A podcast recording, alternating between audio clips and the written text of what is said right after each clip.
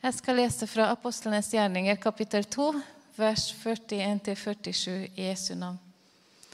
De som tok imot budskapet hans, ble døpt, og den dagen ble det lagt til omkring 3000 mennesker. De holdt seg trofast til apostlenes lære og fellesskapet, til brødspritelsen og bønnene. Hver og en ble grepet av ærefrykt, og mange under og tegn ble gjort av apostlene. Alle de troende holdt sammen og hadde alt felles. De solgte eiendommene sine og det de ellers eide, og delte ut til alle ettersom hver enkelt trengte det. Hver dag holdt de trofast sammen på tempelplassen, og i hjemmene brøt de brødet og spiste sammen med oppriktig og hjertelig glede. De sang og lovpriste Gud og var godt likt av hele folket.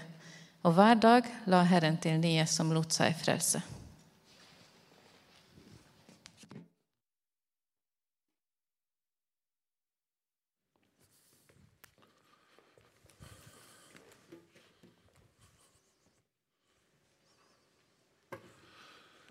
Ja, kjekt å kunne samles til gudstjeneste igjen. Uh, Iallfall syns jeg det. Uh, kjekt å se dere. Jeg heter altså Helge Standal og er pastor. Jeg er ikke særlig stor stilling uh, her i Frikirka nå, 20% Men uh, dere vil se meg likevel ganske ofte, for jeg skal tale på en, en del av gudstjenesten i høst. Så denne søndagen og utover høsten så er det altså apostelgjerningene som er tema. I 1987, så våren 87 så bodde jeg i USA. og eh, Jeg hadde et stipend for å studere kirkevekst. og Det var et flott år. Eh, hele familien var der, og vi eh, opplevde USA på godt og vondt. Det var mye som var rart, annerledes, uh, ukjent og litt merkelig. Og så var det masse som var flott og spennende og inspirerende. Ikke minst fikk vi kontakt med mange gode venner som vi fortsatt holder kontakten med. Og jeg lærte meg å bli glad i baseball og amerikansk fotball. Så nå nærmer det seg, eh, bare 14 dager igjen, så starter sesongen på amerikansk fotball. Og det er helt fantastisk, så det ser jeg fram til. Håper jo på Chicago Bears. Eh, de har ikke vunnet Superbowl siden 1986. Det var året vi kom dit. Eh, vi har håpt og håpt og håpt i alle år etterpå, men det skjer antagelig heller ikke i år. For Vi bodde altså litt utenfor Chicago. Vi gikk i en menighet i nærheten av universitetet. Ei veldig grei og fin menighet, alminnelig, med helt kjekke folk. og Greit, litt sånn traust og sånn, men det var bra å være der.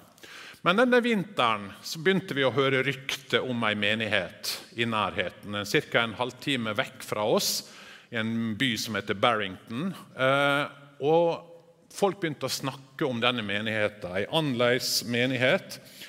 At mennesker kom til tru Masse nye kristne. Så En søndag så satte vi oss i bilen og kjørte en halvtime vestover og gikk på gudstjeneste i Willow Creek Community Church. Og Det var en dag som forandra livet mitt. For det vi møtte der, var helt annerledes. Ikke bare var bygninga annerledes, det hadde vi jo venta, men innholdet, gudstjenester, måten de forkynte på, Måten de drev barnearbeid på, måten de nådde ut til nye mennesker. Jeg husker jeg kjørte hjem igjen den dagen full av tanker. Og I baksetet så satt de tre barna våre på snart fire, sju og ti. Og så sa de kan ikke vi dra hit hver søndag. Denne menigheten, Willow Creek Community Church, den ble starta etter at han som da var pastor, Bill Hybels, hadde hørt ei undervisning om den teksten som vi nettopp har lest, apostelgjerningene 2. Og Mens han hørte undervisninga, det var for øvrig på samme universitet som der jeg gikk, noen år før, så fikk han en drøm, han fikk en tanke. Gikk det an å starte ei sånn menighet, ei apostelgjerningene 2-menighet, i vår tid? Er det mulig? Og Så starta de Willow Creek Church. Og Denne teksten har ikke inspirert bare han, men masse folk, inklusiv meg sjøl. Når jeg leser denne teksten, så kjenner jeg ja, tenk om ei menighet kunne ha vært sånn. Og Denne teksten har hjulpet meg og mange til å sette fokus på hva kjennetegner en menighet som når ut til nye mennesker, og som vokser. Hva kjennetegner den? Hva gjorde denne Jerusalemsmenigheten som vi må gjøre her i Trondheim og i Trondheim frikirke?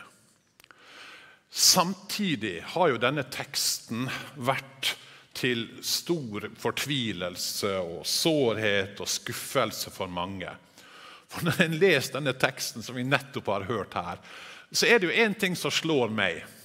Og det er jo avstanden mellom det vi leser, og de menighetene som jeg kjenner, inklusiv vår egen. Ikke sant? Vi drømmer om ei slik menighet, men ser vi oss rundt, så spør vi ja, blir nye mennesker lagt til hver dag. Mm, nei, antagelig ikke det. Eh, selger vi eiendommene våre og deler med de som trenger det? Eh, har vi alt felles? Mm. Og så blir på en måte avstanden mellom drøm og virkelighet stor. Jeg snakka om dette her i fjor høst. Eh, kanskje noen husker noe av det, det er ikke godt å si. Men for å repetere bitte lite grann, så tenker jeg at det er viktig at det drømmebildet vi har av et fellesskap, at vi ser at det av og til kan hindre et ekte fellesskap. Fordi drømmebildet det stiller jo krav til Gud. Gud du, må, du må lage ei sånn menighet her. Og Når Gud ikke gjør det, så blir vi skuffa, og så blir vi kanskje sint på han, og så tenker vi nei, det kan være det samme. Eller vi stiller krav til de andre i menigheten. De må være mer åndelige. De må be mer, de må være mer rause. De må se meg og se mine behov. Når de ikke gjør det, så blir vi skuffa. Og så forlater ganske mange mennesker sin menighet fordi de blir skuffa. Og så tenker de vi prøver en annen menighet. Og så oppdager de jo de finner ikke drømmemenigheten der heller. For den fins ikke. Jeg har sitert Dietrich Bonhoeffer, denne tyske presten som jo ble drept for sin motstandskamp mot Hitler. Jeg har sitert han mange ganger, og jeg kommer til å fortsette med det. Fordi han sier at det er bra at uh, vi har en skuffelse over vår lokale menighet. Det er bra når vi er skuffa over vår lokale menighet. Fordi det ødelegger våre falske forventninger om fullkommenhet, sier han. Og Han sier at jo før vi gir opp våre illusjoner om at menigheten må være perfekt dersom vi skal elske den, jo snarere slutter vi å late som og begynner å innrømme at vi er feilende mennesker som trenger nåde. Og det, sier han, det er begynnelsen til sant fellesskap. Se deg rundt. Ser du hvem som sitter her? Det er syndige mennesker, er du klar over det? Som trenger nåde, og som har oppdaga at de trenger det. Og som ser at de har behov for en frelser, Jesus Kristus. Det er feilende mennesker som sitter på hver enkelt benk. og Derfor blir aldri Trondheim frikirke ei perfekt menighet. Utallige ganger, sier Bonhoeffer, er et helt kristenfellesskap gått i stykker fordi det levde ut fra et ønskebilde. Gud hater nemlig drømmeriet, og fordi det gjør oss stolt og fordomsfull. Derfor, sier han, vi trer ikke kravfulle inn i fellesskapet med andre kristne, men takknemlige og mottakende. Vi beklager oss ikke over det Gud ikke gir oss, vi takker heller Gud for det han daglig gir oss. Klager du til Gud over alle manglene i Trondheim frikirke? Jeg håper du ber for Trondheim frikirke. Men jeg håper også du takker Gud for det han gir deg i dette fellesskapet. For det er når vi begynner å takke, at vi ser hva vi eier, og at vi ser hva de andre rundt oss betyr. Og at vi ser at vi er takknemlige. At det er av nåde vi får lov til å være en del av et kristen fellesskap. Kristen fellesskap sier Bonhoeffer, er ikke et ideal som vi skal virkeliggjøre, men det er en virkelighet skapt av Gud i Kristus som vi får lov å ta del i. Når det er sagt og presisert, og det tror jeg er et veldig viktig fundament, iallfall for meg, for å snakke om denne teksten her, for å se hva var det Jerusalems menigheter gjorde som gjorde at de vokste. For det kan vi lære av. Så hva gjorde de? Jeg har prøvd å oppsummere det i fire ting. Men det begynner jo slik de holdt seg trofast til. Og det ordet 'holdt seg trofast til' det høres litt sånn vagt og svakt ut på norsk. Ja, ja, de holdt nå på og putla og litt sånn menighetsarbeid innimellom. Men det er et ord som egentlig betyr hårnakka og vedvarende holde på med noe. Det er et ord som peker på at dette kommer ikke av seg sjøl, men at det er noe som en må faktisk jobbe med. Som en må anstrenge seg for. Som en må sette alt inn på skal det skje. De holdt ikke bare på med litt sånn menighetsarbeid innimellom. Nei, de holdt vedvarende og hardnakka på med dette. I Lukas 2 eh, så leser vi om eh, ei eldre dame. Eh, Anna, Fanuels datter. Hun var 84 år. Når du er 84 år, så tenker du ja, ja, nå har jeg gjort mitt. Nå kan jeg legge inn årene. Men hun gjorde ikke det. Hun holdt hårnakka og vedvarende på. Hva står det om henne? Hun forlot aldri tempelet, men tjente Gud i faste og bønn natt og dag. Jeg har av og til tenkt på Anna, fordi det er så lett Nå nærmer jeg meg 70. Eh, her For 14 dager siden så fant jeg ut at jeg må visst søke om dette her med alderspensjon. For det er vel noe greier du får når du er 67, og det blir jeg i høst.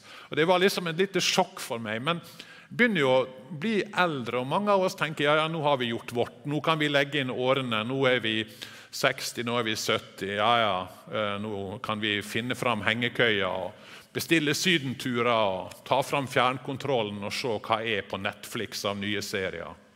Ikke Anna, 84 år, tjente Gud trufast dag og natt.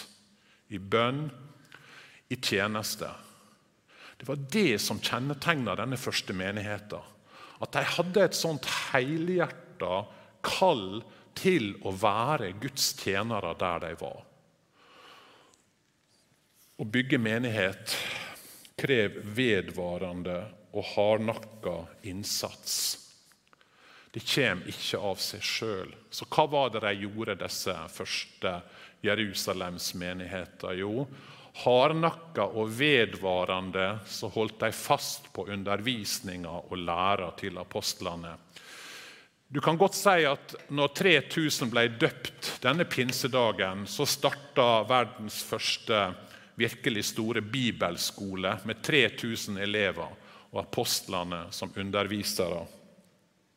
Selv om de var døpt, selv om de hadde fått Den hellige ånd, så trengte de undervisning.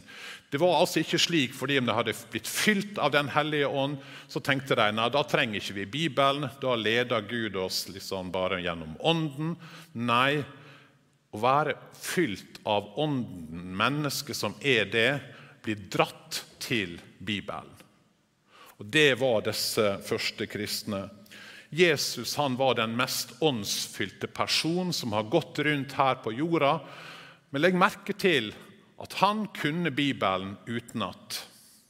Han kunne Det gamle testamentet utenat. Stadig vekk så sier han det står skrevet, det står skrevet, det står skrevet. Og Gang på gang så formaner Paulus de første menighetene, de første kristne, om å holde fast på undervisninga, om å la Guds ord bo rikelig iblant dem.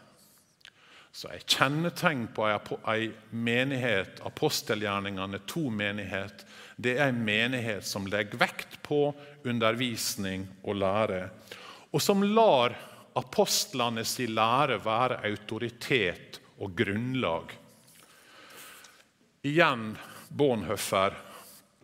Det handler om å stole på det Jesus Kristus sa.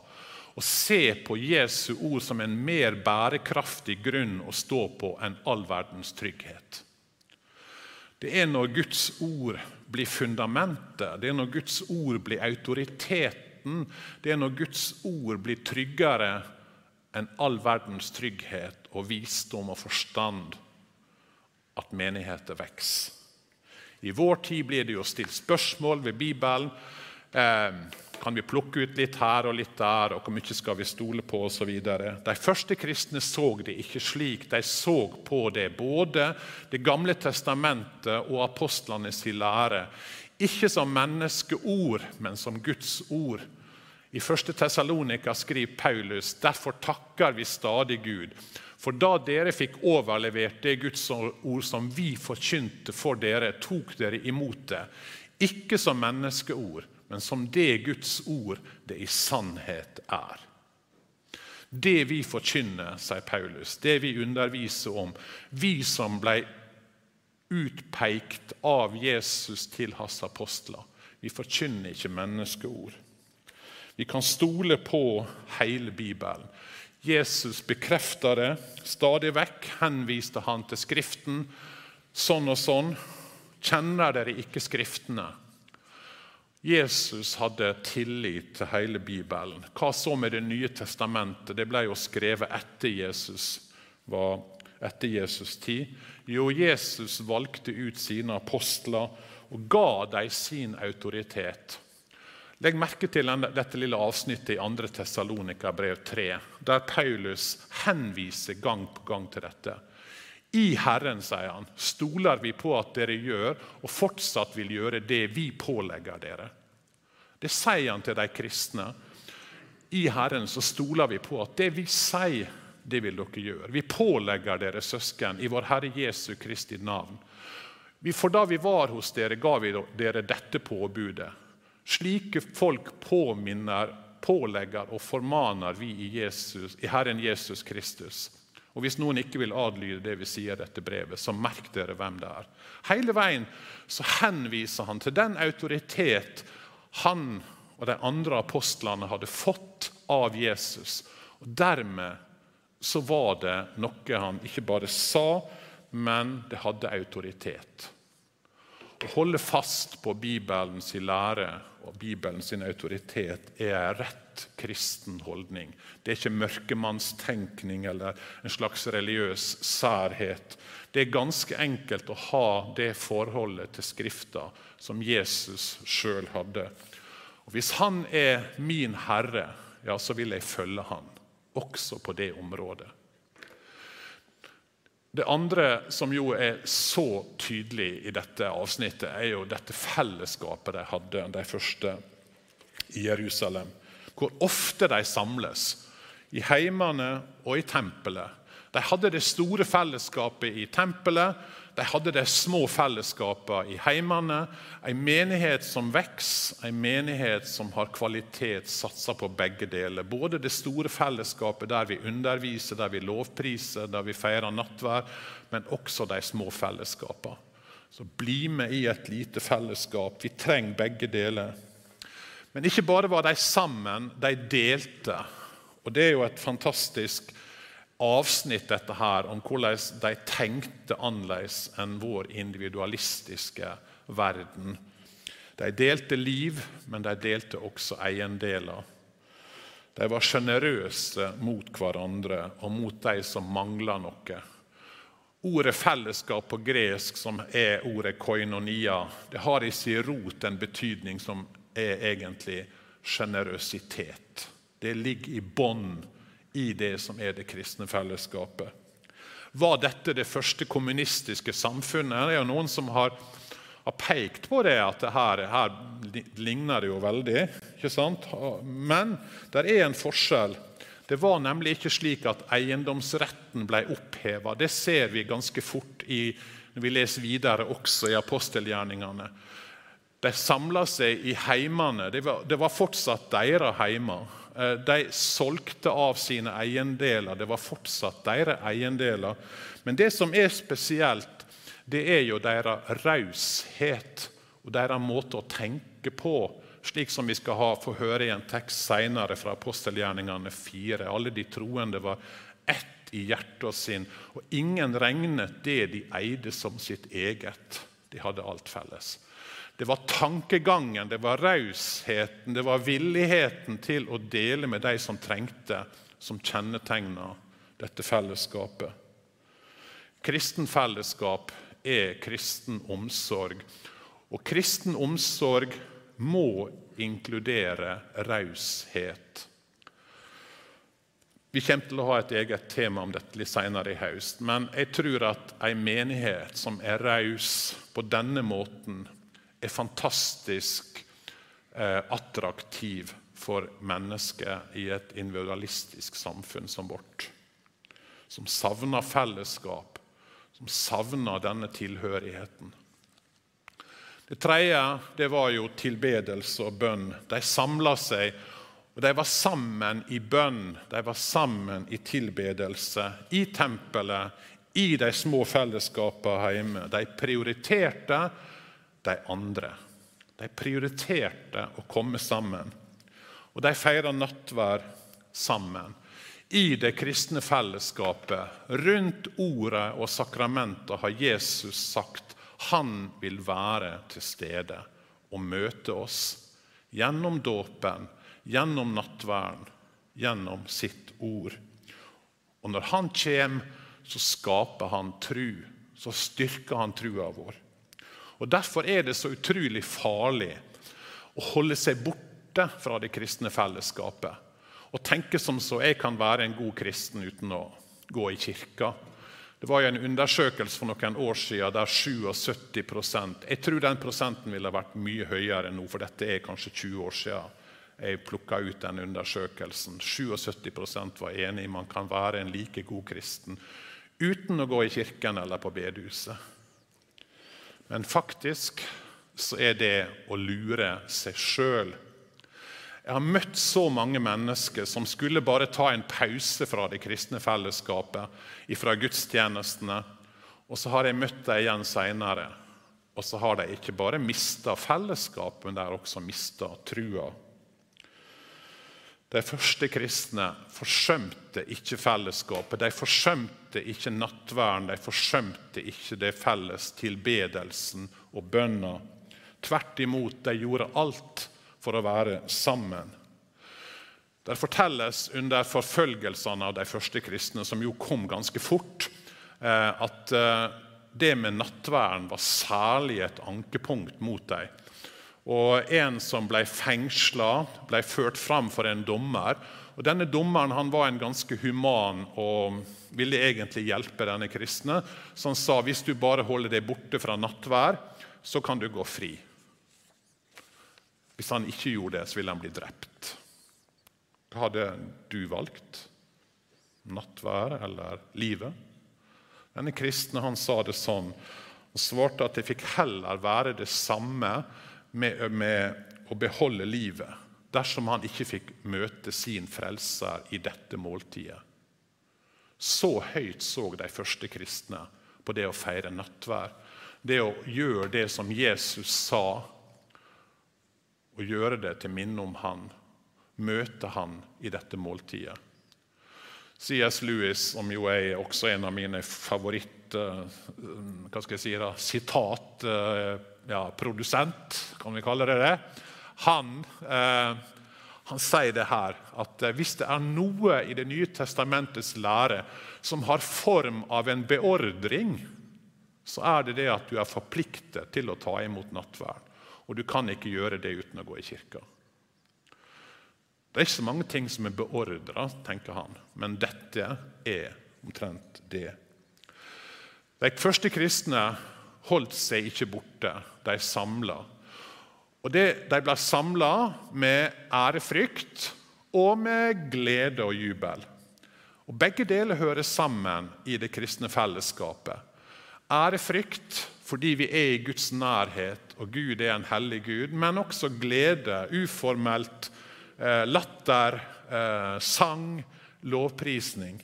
Jeg tror ei gudstjeneste prega både av spontanitet og av jeg vil ikke kall det høytider, men gudsnærvær og ærefrykt for Gud. Det er fantastisk gudstjeneste. Det siste punktet, evangelisering. Ehm, var det noe som kjennetegna denne første menigheten, så var det jo at de tenkte ut til andre mennesker. De kunne jo ikke holde dette gode budskapet for seg sjøl. Sjøl når de ble trua med fengsling, så svarte de at vi kan ikke la være å tale om det vi har sett og hørt. De kunne ikke la være også om de ble fengsla, om de ble drept for det, fordi de hadde møtt budskapet om Jesus. Men Det var en setning som vi skal ta med oss. Hver dag la Herren til nye som lot seg frelse. Hvem er det som frelser? Jo, det er Gud. Vi kan vitne, vi kan invitere, vi kan dele budskapet, men det er bare Gud som kan frelse. Men det vi skal gjøre, er det som de første kristne gjorde å dele trua vår frimodig, invitere mennesker til gudstjenester, til menigheter, til alfakurs. Når vi hørte litt om Amazing Grace i Sofia, så er det én ting som slo meg da jeg var der nede og møtte dem. Det var hvor frimodige de var med å invitere hvem som helst til fellesskap. Og så ser de jo at når de gjør det, så blir mennesket frelst, blir døpt, blir lagt til menigheter. Hva er det verste som kan skje hvis du prøver å invitere noen? Ja, Det verste er jo at de sier nei. Du blir ikke fengsla, du blir ikke forfulgt. Du kan risikere å få et nei, jeg er enig i det. Men gjør det noe? Virkelig? Så tenker du kanskje ja, men Trondheim frikirke er ikke perfekt, så vet ikke om jeg kan invitere folk. Ja, Men da kan du aldri invitere. For den vil aldri bli perfekt. Og Det har ikke noen andre perfekte menigheter å invitere til heller. I, Norge, i evangeliseringa eh, så ble den stadfesta av tegn og under gjort ved apostlene si forkynning. Gud er en Gud som virker, av og til gjennom dramatiske ting også. Eh, når vi var i Lars og jeg og Ingebrigt var i eh, Sofia, så var vi jo ute i gettoen for å dele ut mat.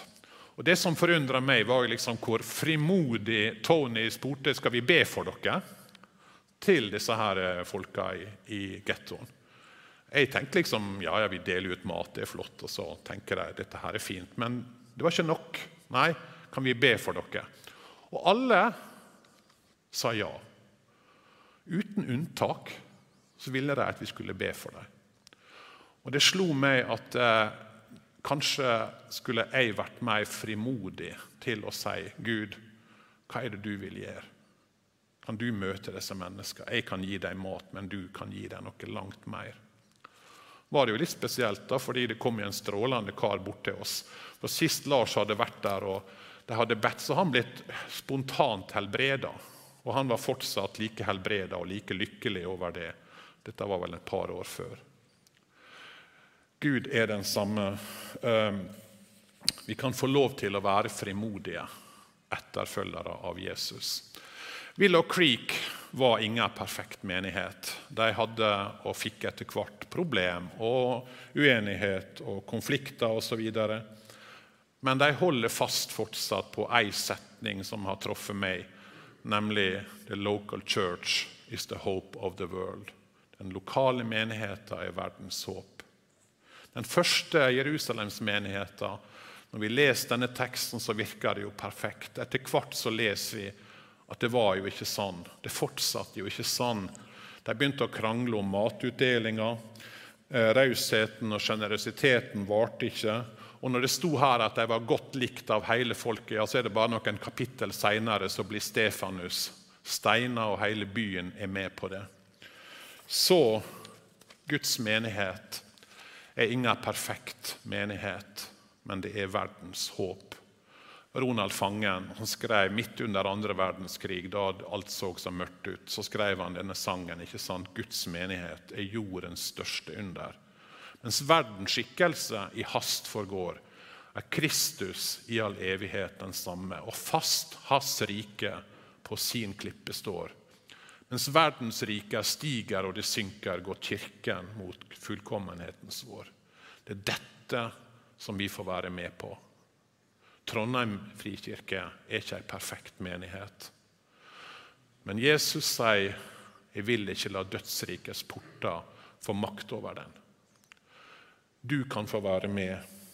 Vi har et godt budskap. Vi er en gjeng med syndere som sitter her og som sitter foran skjermen. Men vi har fått møtt Jesu nåde og tilgivelse. For å få møtt evangeliet, og vi ønsker å bringe det ut til nye mennesker. Vil du være med? Jeg vil.